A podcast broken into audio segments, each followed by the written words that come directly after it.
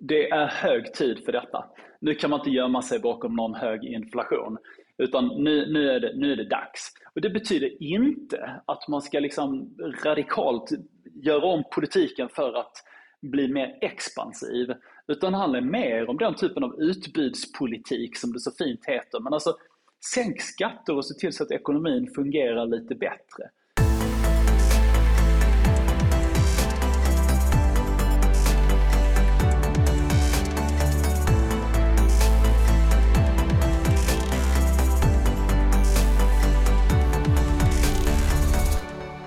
Henrik Mittelman är finansanalytiker, egenföretagare och krönikör i Dagens Industri. Han är aktuell med boken Tillbaka till framgången för Timbro förlag och med fotografier av Malin Lauterbach. Varmt välkommen till Skattebetalarnas podcast. Uppskattat Henrik! Stort tack för det! Väldigt trevligt att ha dig här. Eh, Tillbaka till framgången är ju en mycket intressant och inspirerande bok och jag tycker att den har eh, Malins fantastiska bilder som verkligen eh, tillför, no tillför boken mycket tycker jag. Eh, det var en fröjd att läsa den. Eh, varför skrev du den här boken? Jag har länge tänkt att det är så tråkigt att bara diskutera och debattera vad det är som har gått snett i Sverige. Eh, och vi anklagar varandra för hur man, vilka ställningstaganden man har gjort och det är liksom hela diskussionen, hela den politiska debatten handlar lite om det. Ehm, istället måste vi ju vända blad. Och då tänker jag att vi som har lite problem i den svenska ekonomin, vi borde söka inspiration från andra länder som rent faktiskt har gjort det lite bättre än vad vi har gjort. För vi har ju ändå som ni på Skattebetalarna har tydliggjort vid flera tillfällen, eh, tappat i alla de här välståndsligorna under de senaste 50 åren. Och då måste vi komma tillbaka till framgången. Och då tänker jag att vi istället för att uppfinna hjulet så kanske vi helt enkelt borde bara kopiera de som har gjort det bättre. Mm. lite så var upprinnelsen. Ja, och det är väldigt konkreta exempel på, på inspiration tycker jag. Vi ska komma tillbaka till dem strax. Men om vi börjar på, på den lite dystra noten som, som vi ska ta oss ifrån så är det ju att Sverige har ju lägst tillväxt i Europa och den tredje högsta arbetslösheten i EU. Sverigebilden handlar mest om skjutningar och kriminalitet eh, och en gång så såg nästan alla upp till oss och, och försökte komma ikapp. Men vad, vad var det som hände? Vad gick snett? Är det, och är det viktigt för att förstå vad, hur vi ska ta oss därifrån?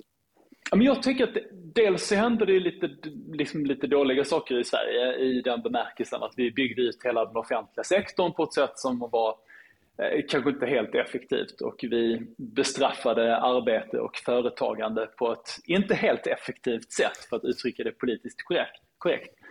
Sen var det också det att många andra länder, det hände mer någon annanstans. Och det som hände någon annanstans är ju att massor med smarta länder insåg att man behöver attrahera rätt företag och rätt människor. Och då måste man göra det med rätt villkor. Och rätt villkor är ju ganska ofta lägre skatter. Mm. Något som ja, ni åter... på Skattebetalarna kanske har återkommit till också. Du, ja, du återkommer till det ganska ofta i boken, vilket glädjer mig oerhört ska jag säga. Det, det är jag skulle inte säga att jag skulle kunna skriva boken själv, men en hel del av budskapen känner jag starkt igen. Det är mycket roligt. Eh, ni drar ju eh, lärdomar från de besök ni gör i andra länder och regioner och, och ni uppmanar just till att vi ska inspireras och faktiskt också kopiera en del. Eh, och, eh, ni, ni, eh, ni är bland annat i Texas. Finns något annat att lära sig förutom eh, T-benstekar och stora cowboyhattar? Ja, men jag tror att många upplever det som lite provocerande att vi just har Texas som ett exempel på framgång eftersom där finns det väl bara vapen och eh, lite galna typer som eh, tycker att man ska förbjuda aborter eller vad det nu kan vara. Men vår utgångspunkt här är att vi behöver inte köpa allt. Vi kan helt enkelt ta med oss det bästa från de länder och regioner som, som lyckas bättre. Och Texas tycker jag är ett bra exempel. Man tar bort den delstatliga inkomstskatten. Och plötsligt så, loggar, så lockar man massor med eh, liberaler från Kalifornien som uppskattar det där med, med lägre skatter. Och då hamnar en del bolag i Texas och, och Texas är ju så långt ifrån den där bilden av oljebaronen J.R. Ewing för era lyssnare som är lite äldre som tittade på Dallas på den tiden. En ond oljekung. Texas är inte där idag utan det är massor med läkemedelsbolag, framförallt inom hälso och sjukvård, eh, men även inom gröna näringar, miljöteknik och så vidare. Och sen lite noterbart såklart att Tesla flyttade sitt huvudkontor från Kalifornien till Texas. Mm. Och du tar ju just Dallas som utgångspunkt och exempel för hur, hur liksom, ja, vi är väl ungefär jämnåriga, hur, hur vår barndom formades av det. Och, och idag så är ju Texas tvärtom ganska hippt. Det är väl inte, det är klart att de här stora cowboyhattarna finns på sina håll, men det är rätt mycket hipsters också. Ja, det är det. Och jag tror, att, jag tror liksom att det finns så många goda exempel, återigen, på de här regioner och länder som har gjort det bättre. Mm. Och I näringslivet, eller för den delen inom idrotten, så är det ju fullständigt självklart att om något lag eller något annat företag gör saker och ting bättre, ja men då kopierar vi det. Och du får ju massor med inspiration när du läser spännande saker någon annanstans eller lyssnar på någon annan podd. Och, det är ju så vi fungerar, vi människor, och så blir vi lite bättre hela tiden. Och då tänker jag att det borde även politiken kunna göra. Mm. Och nu, nu har jag ju naturligtvis full förståelse för att det inom politiken är, är fullt fokus på att dämpa kriminaliteten och liksom bekämpa den inhemska maffian. Men, men vi måste nog hålla liksom två bollar i luften samtidigt.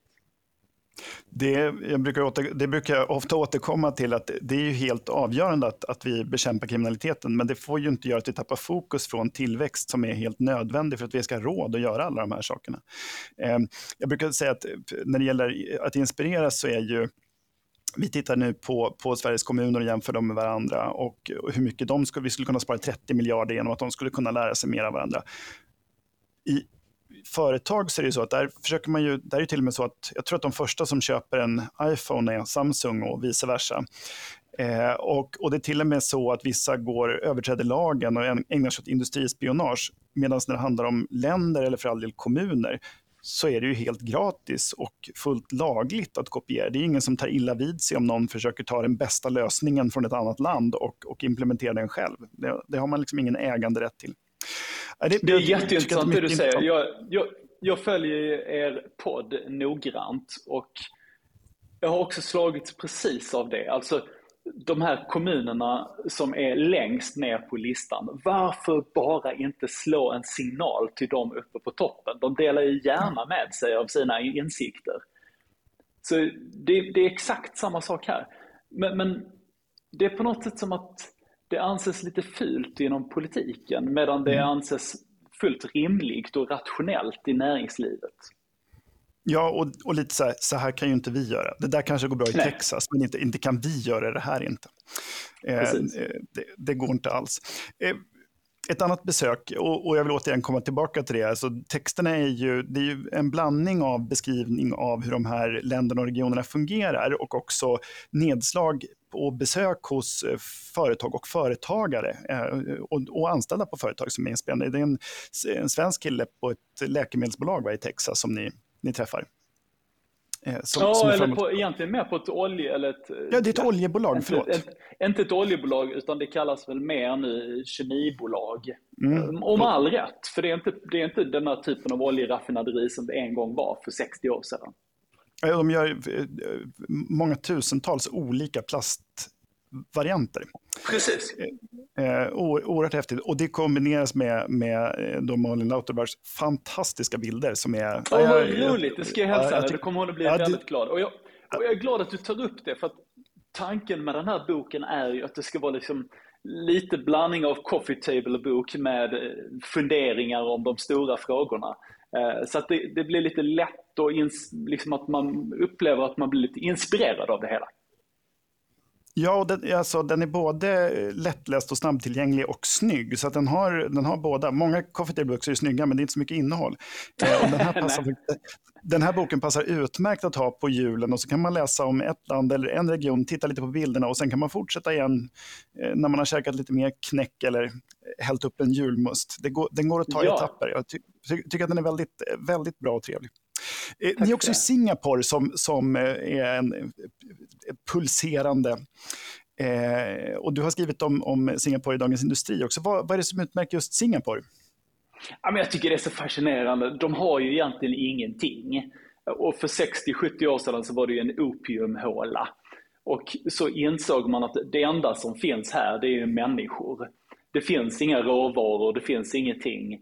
Eh, visst, ökad globalisering, man ligger liksom vid Malackasundet runt om och sådär. Men, men, låt oss dra nytta av detta och låt oss säkerställa att vi har eh, en befolkning med väldigt hög utbildningsgrad. Men också att man inviterar människor och företag till denna lilla ö eh, som kan göra stordåd. Och återigen, jag kommer tillbaka till det. Alltså, tänk om vi också skulle kunna invitera rätt företag och rätt människor till Sverige. Nu är det ju mest bråk om vem som ska åka ut. Men, men det vore ju inte helt fel ifall Apple ville komma till Sverige. Nej, och, och, ett problem är väl också att vi riskerar, alltså Norge som, som in, höjde sin förmögenhetsskatt, där flyttade ju istället de, de rika människorna. Vi skulle ju behöva företags, företagsamma och gärna välbeställda individer, men bara de är företagsamma så skulle de ju gärna få komma hit. Det är ju liksom inte ett, inte ett problem.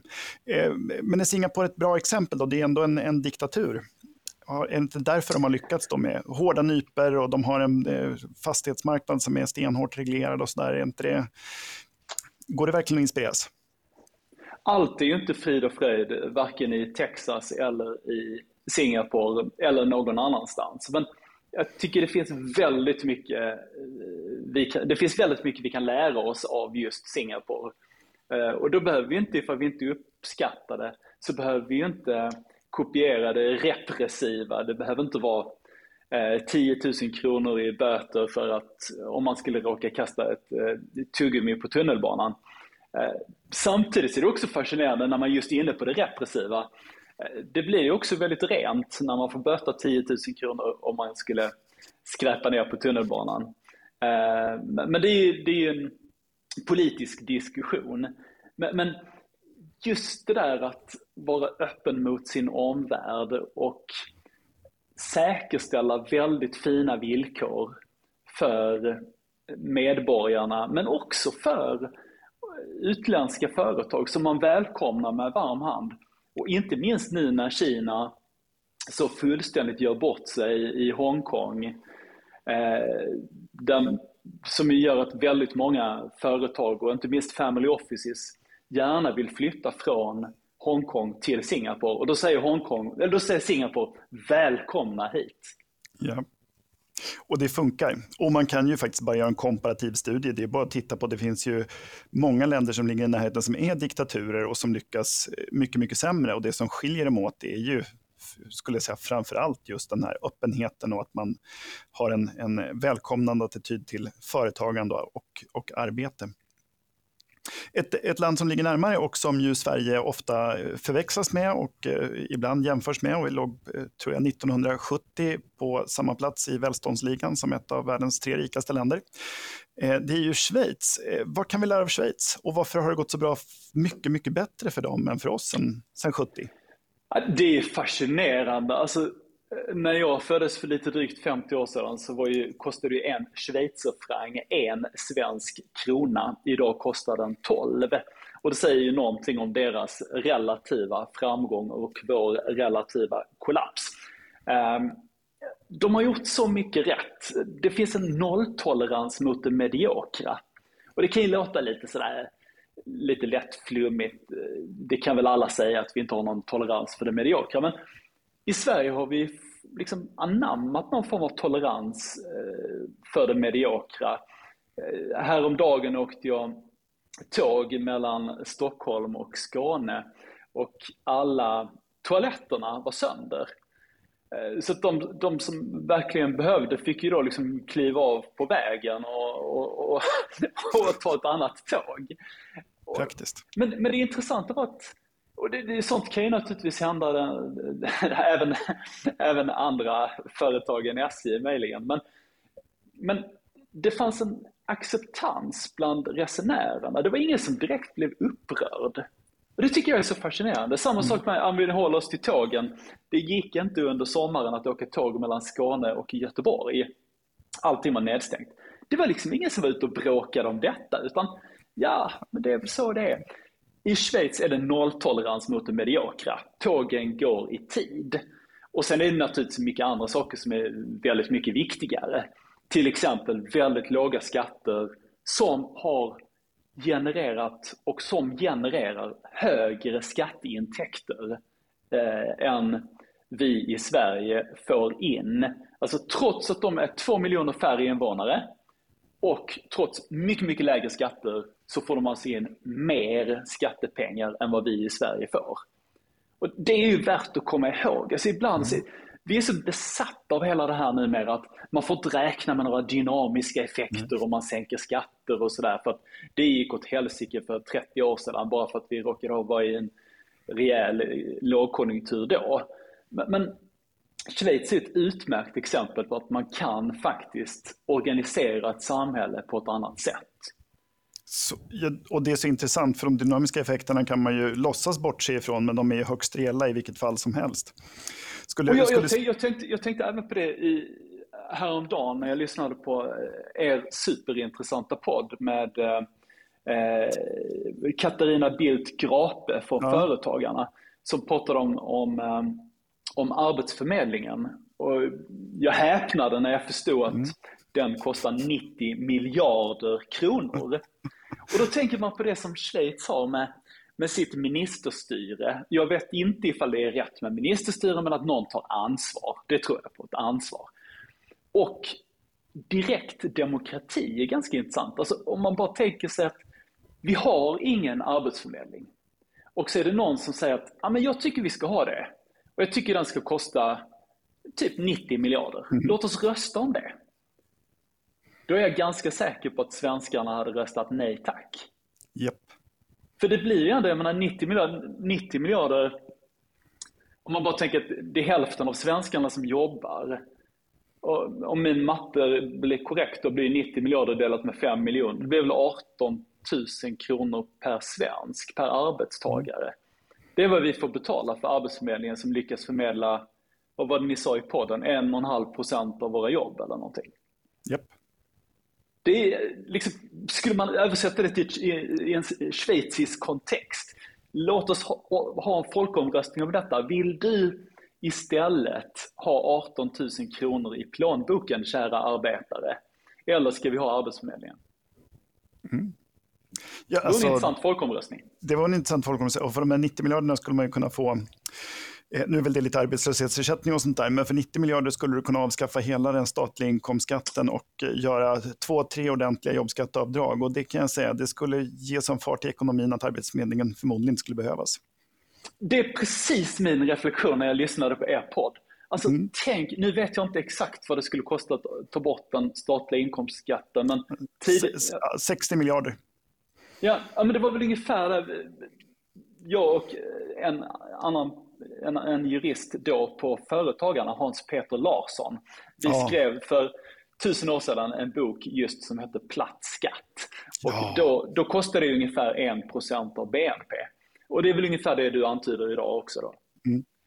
Alltså en, i dagens penningvärde då 60 miljarder. I runda slängar. Och sen är det väl Jakob Lundberg som idag är på IFN och tidigare chefekonom på Timbro. Han har räknat ut att, att avskaffa den statliga inkomstskatten är till två tredjedelar då självfinansierat. Eh, det vill säga du skulle, folk skulle jobba mer, ta ut högre löner istället för att vara lediga. Så att staten skulle bara förlora av de här i runda slängar 60 miljarder så skulle man förlora 20 miljarder på kort sikt. Men BNP skulle då öka. Mm. Och Det visar ju också, apropå att Schweiz då har, har vuxit förbi Sverige, så när vi tittar eh, Magnus Henriksson räknade på det där för ett antal år sedan. Då konstaterar man att sänker man skattetrycket med 10 procentenheter, vilket är ungefär vad som skiljer oss mellan ett, snittet i OECD, så ökar, sänker man det med 10 procentenheter så ökar BNP per år med 1 procent. Mm. Och med en ränta på ränta-effekt så har staten samma intäkter efter 20 år. Men sen växer de ju. Så att om 20 år skulle vi, skulle vi omedelbart sänka skatten med 10 procentenheter så skulle skattetrycket, så skulle Sverige ha offentlig sektor lika mycket pengar om 20 år och sen ha mer pengar varje år. Så det skulle vara en investering i framtiden kan man säga. Eh, ja, det, det, och, och Schweiz har ju lyckats. Man brukar säga att, eh, det, apropå att inte tolerera eh, medelmåttighet så, så sägs det att när japanerna började göra, försöka göra såna automatiska urverk, alltså såna här, eh, klockor som Schweiz är världsberömda för, så de första de gjorde så skickade ett eh, japanskt bolag en sån här klockfjäder som är som en eh, lång platt stålbit som snurras upp stålfjäder. Eh, och var, trodde de skulle sätta skräck i, i, i schweizarna med, med den här nya fina, platta, tunna fjädern de hade gjort. Och det sägs då att eh, den här schweiziska klockmakaren, om det var Rolex eller om det var Patek Philippe eller någon, de borrade rakt igenom den på längden och skickade tillbaka den men nu, men nu, gör, nu, gör, nu gör japanerna jättefina klockor också, men, men ja, eh, på den tiden var de inte så bra. Eh, men, men, men, det, men, det, är ju lite, alltså, apropå det här med liksom det mediokra. Det är klart att med den acceptansen för en starkare valuta som de har haft och den motsatsen i Sverige, vurmandet för en väldigt svag valuta och ständigt devalverat oss ur alla kriser då måste de ju upp i innovationsgrad. De måste bli mer produktiva. Det är kniven mot strupen. Liksom. Och då ser vi alla de här läkemedelsbolagen till exempel. Vi hade ju också en jättefin sådan industri för 50 år sedan. Den har vi liksom reat ut. Ja. Och det är väl ett ganska bra exempel. Ja, du, och så här, du kan vara ganska, med en svag valuta kan du vara ganska dålig. Det är, bra, det är bra kortsiktigt för exportindustrin, men det är ju att kissa i byxorna. Ja, och nu har vi fått för oss till exempel att vi mest ska ägna oss åt stål igen, om än mm. då i någon form av grön tappning, eh, hur nu de här statliga projekten ska funka. Men det är också någonting vi har hållit på med sedan 1600-talet. Mm. Det kanske är dags att ta nästa steg. Ja, det enda som är ett, så, stål och skog är väl, det är, inget, det är inget fel på det, men det är ju inte särskilt förädlat. Nej, nej. Eh, det, det är roligare att sälja kullager, kan man säga. Ja. Eh, och ännu hellre eh, ta hjälp av AI i framtiden. Eh, ett land som inte då förknippas så mycket med tillväxt utan med, med slarv och klant mer är ju Italien. Men där har ni besökt norra Italien och konstaterar att där pågår ett, ja, ett kvalificerat industriunder. Ja, det är det ju. Och det, det är fascinerande att så många människor har den där fördomen och ger uttryck för fördomen som du själv gör där. Att liksom mm. italienarna, de är väl mest liksom lite trevliga och det är pasta och det är rödvin och det är lite oordning och stök, men också lite charm. Men, men norra Italien är har ju ett fantastiskt näringsliv och inte minst med eh, familjeföretag. Det påminner lite om det här tyska undret eh, som du och jag fick lyssna mm. till och lära oss mer om i Tyskland just för några veckor sedan eh, familjeägda bolag som med ganska bra villkor faktiskt eh, får möjlighet att, att eh, fortsätta.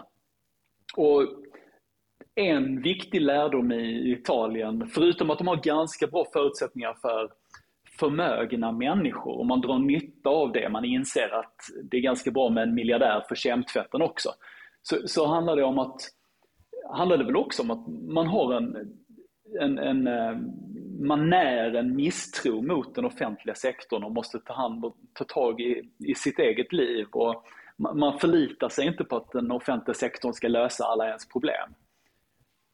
Sen kan man ju säga, är det liksom en, en, en viktig lärdom för Sverige? Ja, det, det är väl ingenting vi konkret kan förändra just idag, utan då handlar det väl mer kanske om det som, som Italien och vissa italienska regioner nu eh, har, har börjat med att man inviterar ganska tydligt välbärgade människor med en låg klumpsummeskatt. Och, och då med förhoppningen att dessa människor ska eh, betala igen på annat sätt. Och det har mm. vi ju sett på väldigt nära håll att det är precis det som sker. I, snitt så anställer de massor med människor och vi kommer tillbaka till kemtvätten som får fler kunder. Eller ja. vad det nu kan vara. Vi får, och där tänker jag, det är precis det vi behöver. Vi, vi befinner oss nu i ett läge i Sverige, vi har den befolkning vi har och vi har den utbildningsnivå vi har och så ska vi försöka lyfta den framöver. Men, nu har vi väldigt många människor i Sverige som inte är särskilt högutbildade.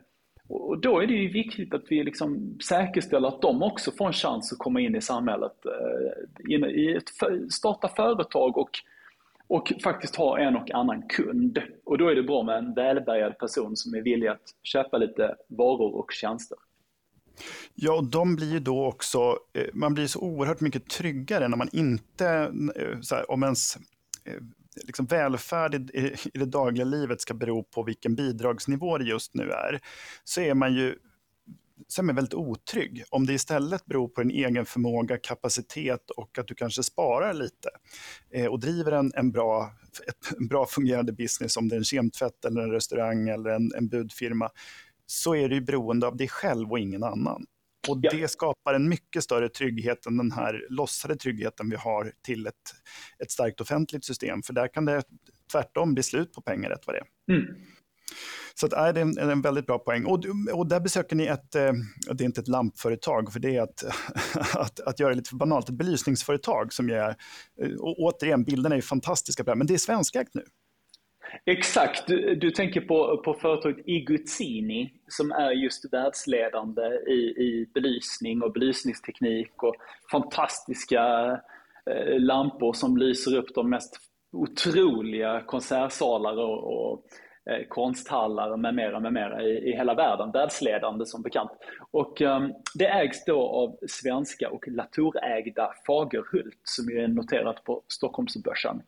Um, och det är också intressant för när vi, när vi pratar med Bodil Sonesson som är VD på Fagerhult, hon var med och när Fagerhult 2019 tror jag det var, köpte upp detta företag, då möttes hon just av de där lite fördomarna att ja men vad ska ni göra där? Och liksom, ska fina Fagerhult ut och smutsa ner sig i den italienska myllan? Men, men, det har ju visat sig vara en succé och det är intressant att se den här typen av kluster som växer upp i olika delar av av norra Italien. Och som alltid uppstår frivilligt. Det är ju, för 20 år sedan hade politiker Pippi på att försöka åstadkomma kluster och det går inte att göra på artificiellt sätt utan alla sådana som uppstår gör det organiskt. Titta på Silicon Valley ja. eller så, mm. eller ja, Texas nu, som, som, eh, där, där det bildas nu kluster kring de stora fabrikerna, Tesla och så där, så, så, är, så beror det inte på politisk styrning utan på att politiker skapar förutsättningar jag vet inte hur många som har försökt bygga IT-kluster i Sverige i, i små kommuner och det, jag säga, det har gått sådär. Ja. Men det finns, det finns ju också de som, som, som inte verkar ha jobbat sig till välstånd. Ni besökte också Irland. ja, men, det är klart att det är lite fördomsfullt sådär, men vi, vi, den, den konklusion som vi drar av Irland är väl att Irländarna var, Irland var ju ett av de fattigaste länderna i Europa för 50 år sedan. Eh, och då insåg man dem att vi måste göra någonting åt detta. Och, och lite, lite fördomsfullt kanske man kan säga att de, de har liksom säkerställt att de kan, irländarna själva kan ägna sig åt det de tycker bäst om. Det vill säga dricka Guinness och kolla på fotboll. Och jag, jag har verkligen inga moraliska invändningar mot det. Man får göra precis vad man vill så länge det funkar. Men, men sättet att finansiera detta på eh, är ju att bjuda in massor med bra amerikanska, inte minst, företag och det som, som har förlagt sina huvudkontor där. Och det är Meta, alltså ägarna till Facebook och Instagram. Eh, det är Google, det är Apple med flera. Och då kommer det en massa kloka människor dit som anställer en hel del andra och spenderar hur mycket pengar som helst. Och plötsligt är Irland ett av de rikaste länderna i hela Europa. Sen är det klart att det också, och det är väldigt positivt, för med sig att det inte bara är liksom en sorts rikedom i landet, det för med sig massor med skatteintäkter som gör att, vi kan, att irländarna kan, kan finansiera den delen. Eh, och sen är det klart att många irländare också blir mer entusiastiska kring möjligheterna att utbilda sig och, och, och, skaffa sig bra jobb på Facebook eller vad det nu kan vara. Eller starta ett eget bolag. Men, men sättet som Irland gör detta på, det är ju skattekonkurrens. Mm. Alltså de säkerställer att de här amerikanska företagen kommer dit för att de får de bästa villkoren. Men det är så fult det där med skattekonkurrens. Det är helt okej okay med liksom konkurrens inom fotbollen eller vad det nu kan vara. Men mm. just skatter, där, där uppskattas det inte. Och det tycker jag är helt fel. Jag tycker inte minst nu när vi faktiskt har en borgerlig regering, varför inte försöka? Jag tror det är väldigt svårt att kombinera det här liksom ganska risiga eh, klimatet i övrigt, alltså med halvkass skola, lite småtrist sjukvård och dessutom en massa skjutningar med ett dåligt klimat med för höga skatter. Det, det, är en dålig kombination. Man kanske kan acceptera det ena eller det andra, men det, är svårt med, med den mixen som vi har just nu. Ja, och det är bara att titta på Sveriges tillväxtperioder. De har ju varit efter liksom Gripenstedts stora reformer innan skattetrycket tar fart. Sverige har en högre tillväxt de 70 åren före andra världskriget, de 70 åren efter.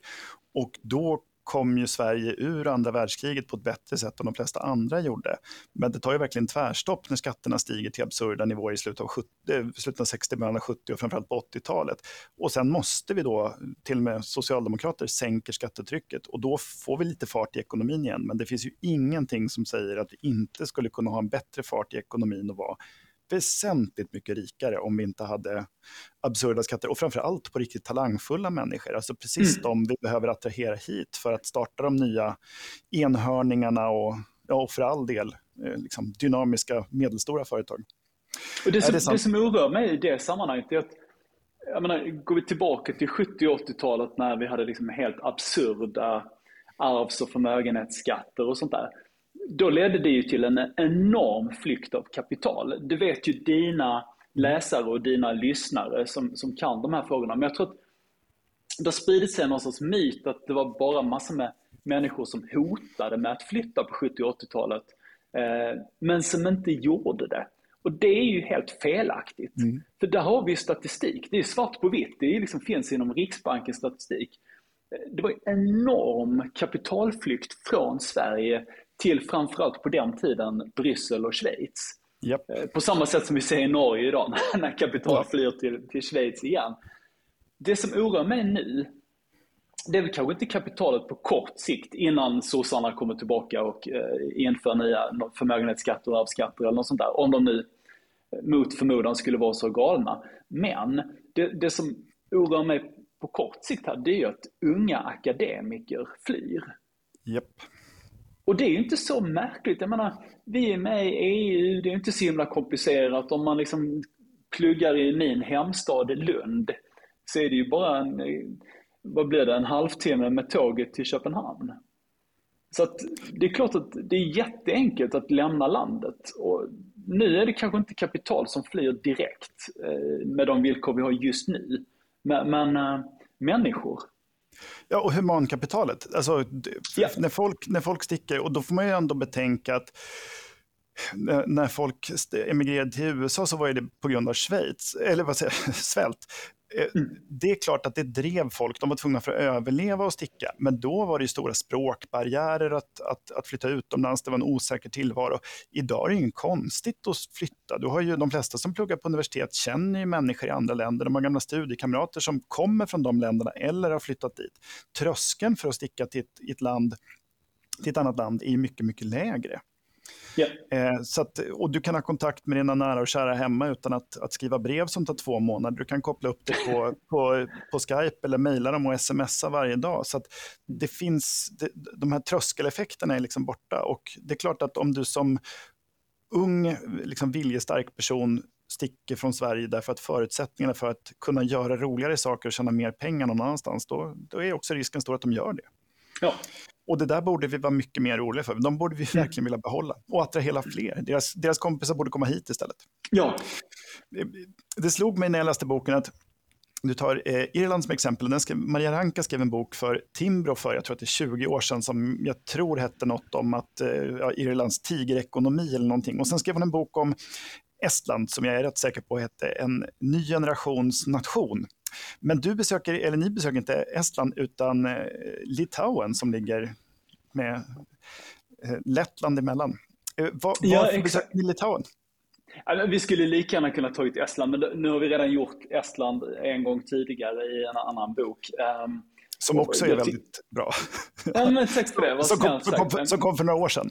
Ja, precis. Mm. Um, men, men uh, Litauen tycker jag är fascinerande. Det skiljer ju sig som bekant väldigt mycket från de andra två baltiska länderna.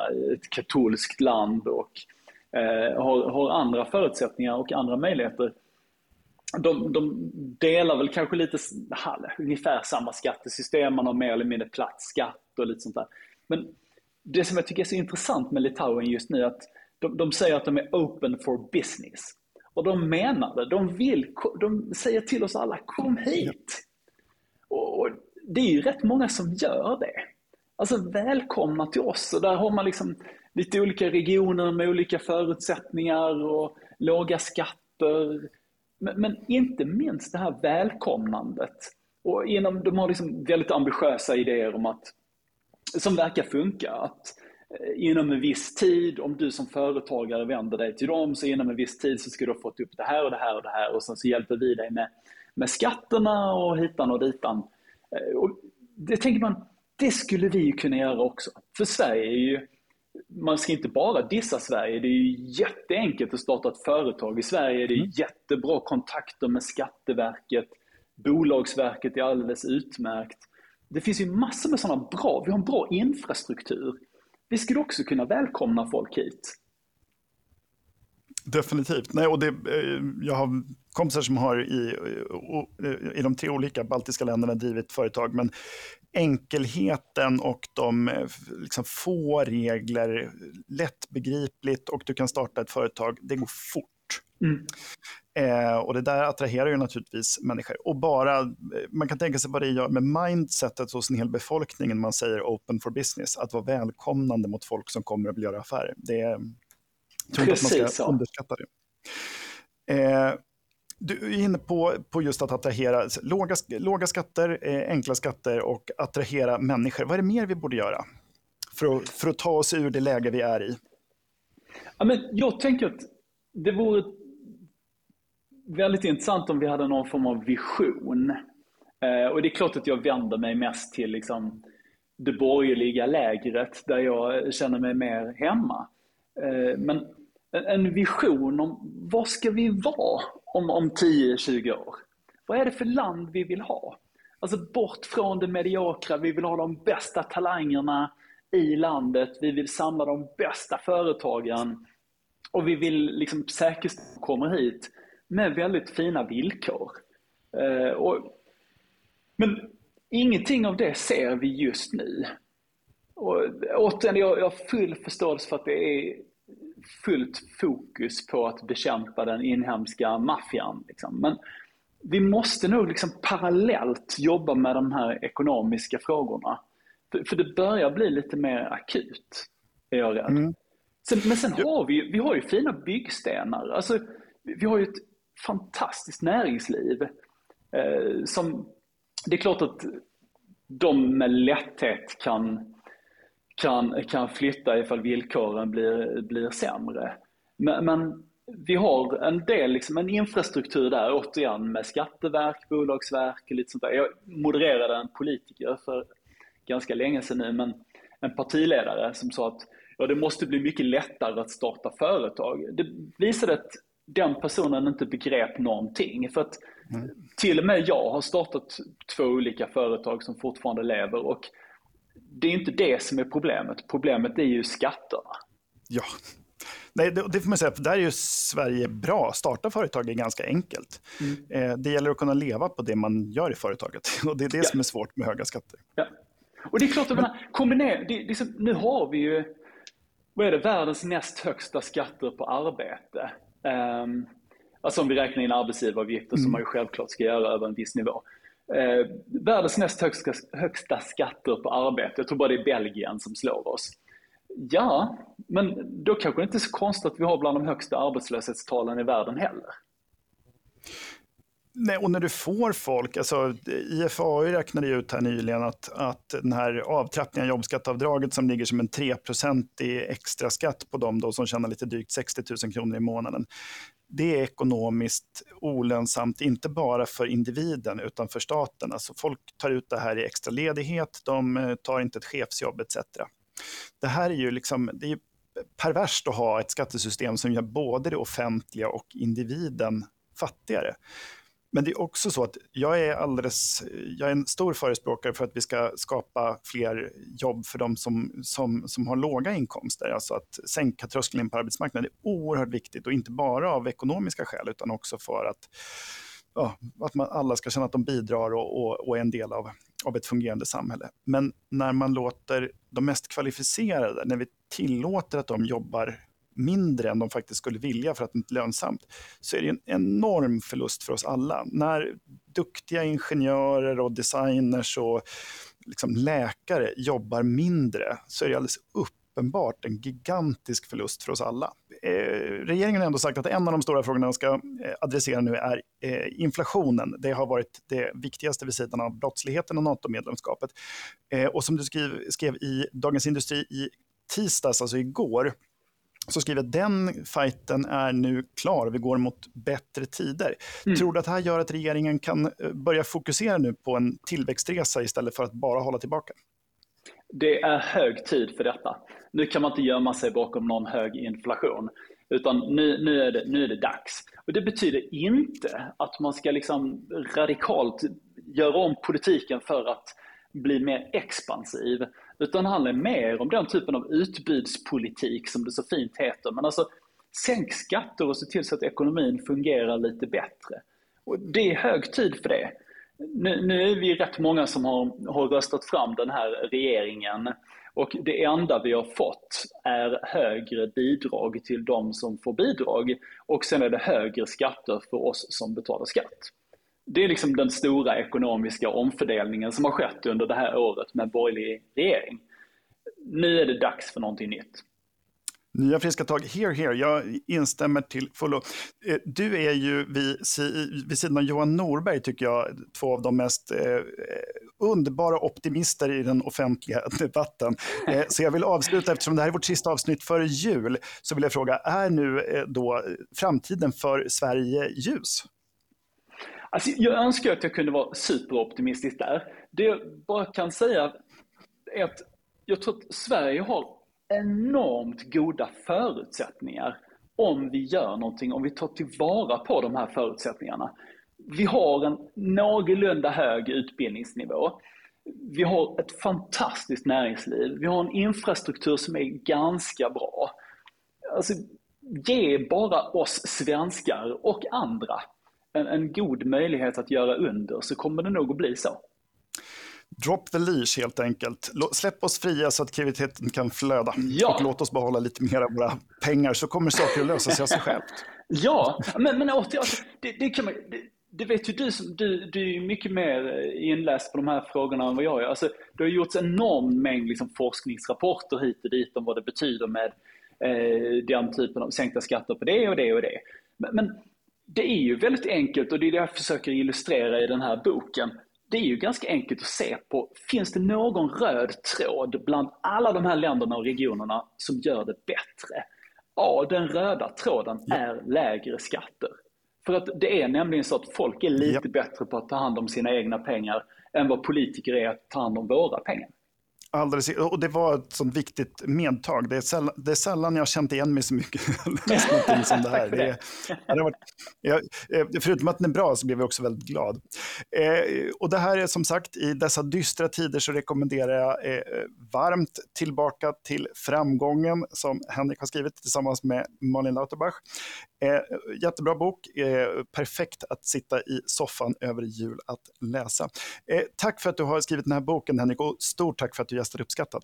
tack för att du fick vara med. Tack. Och den här boken Tillbaka till framgången finns att köpa där böcker finns. Men jag rekommenderar eh, särskilt då, jag rekommenderar alla att köpa den, men jag skulle vilja att ni köper den eh, via Timbro, för vi har lyckats utverka en rabatt på hela 25 procent eh, till och med nyår. Då köper man boken via Timbro, timbro.se. Ange då koden uppskattat 25, uppskattat med små bokstäver och 25 med siffror ihopskrivet i ett ord. Eh, då får ni boken till en mycket, mycket fin rabatt. Köp två så kan ni ge bort en till julklapp också. Eh, och med det här avsnittet tar uppskattat juluppehåll och vi hörs igen i januari. Uppskattat, det är en podcast från Skattebetalarnas förening. Vi arbetar för låga och rättvisa skatter, rättssäkerhet för skattskyldiga och minskat slöseri med skattepengar. Vi bildar opinion och folkbildar i skattefrågan. Och vi lever som vi lär och tar bara emot frivilliga bidrag. Uppskattar du podden så ge oss gärna ett högt betyg i en app och vill du medverka till att Sverige blir ett land med minskat slöseri och rimligare skatter, då stödjer du oss enklast genom att bli medlem. Läs mer och bli medlem på www.skattebetalarna.se bli medlem. Och så hörs vi 2024. Tack för i år!